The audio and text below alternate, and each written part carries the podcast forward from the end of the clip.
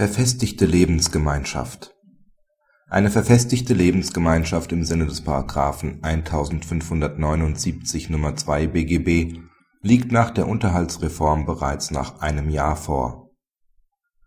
Die Parteien streiten um nachehelichen Unterhalt. Der Ehemann begehrt die Abänderung eines vorliegenden Titels.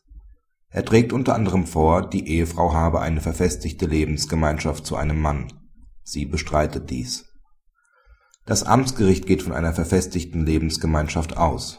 Diese liegt nach § 1579 Nr. 2 BGB vor, wenn der Berechtigte zu einem neuen Partner ein auf Dauer angelegtes Verhältnis aufnimmt und das nichteheliche Zusammenleben gleichsam an die Stelle einer Ehe getreten ist. Maßgebend ist das Erscheinungsbild in der Öffentlichkeit. Der als Zeuge angehörte Mann ist bei seiner Aussage davon ausgegangen dass zwischen der Ehefrau und ihm seit 1.2.2008 ein eheähnliches Verhältnis vorliege.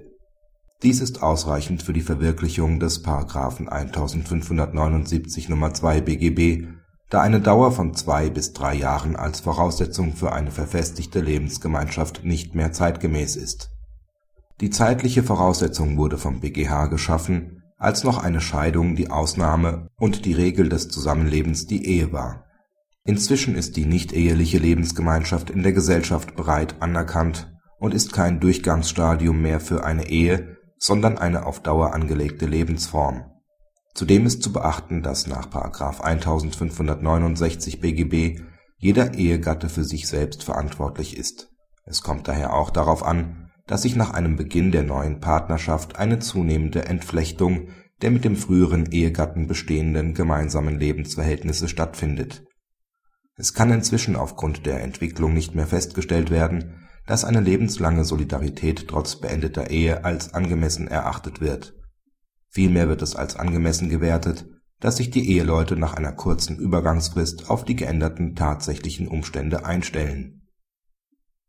Praxishinweis Es bleibt abzuwarten, ob die Absenkung der zeitlichen Voraussetzung bei einer verfestigten Lebensgemeinschaft von den Obergerichten unterstützt werden wird der Gesetzgeber wollte mit der Herausnahme der verfestigten Lebensgemeinschaft aus dem Auffangtatbestand des § 1579 Nr. 7 BGB (alte Fassung) den wichtigsten Fall des Auffangtatbestands eigens regeln. Dies sollte im Einklang mit der bisherigen BgH-Rechtsprechung geschehen. Das Amtsgericht Essen vertritt in seinem Urteil eine andere Ansicht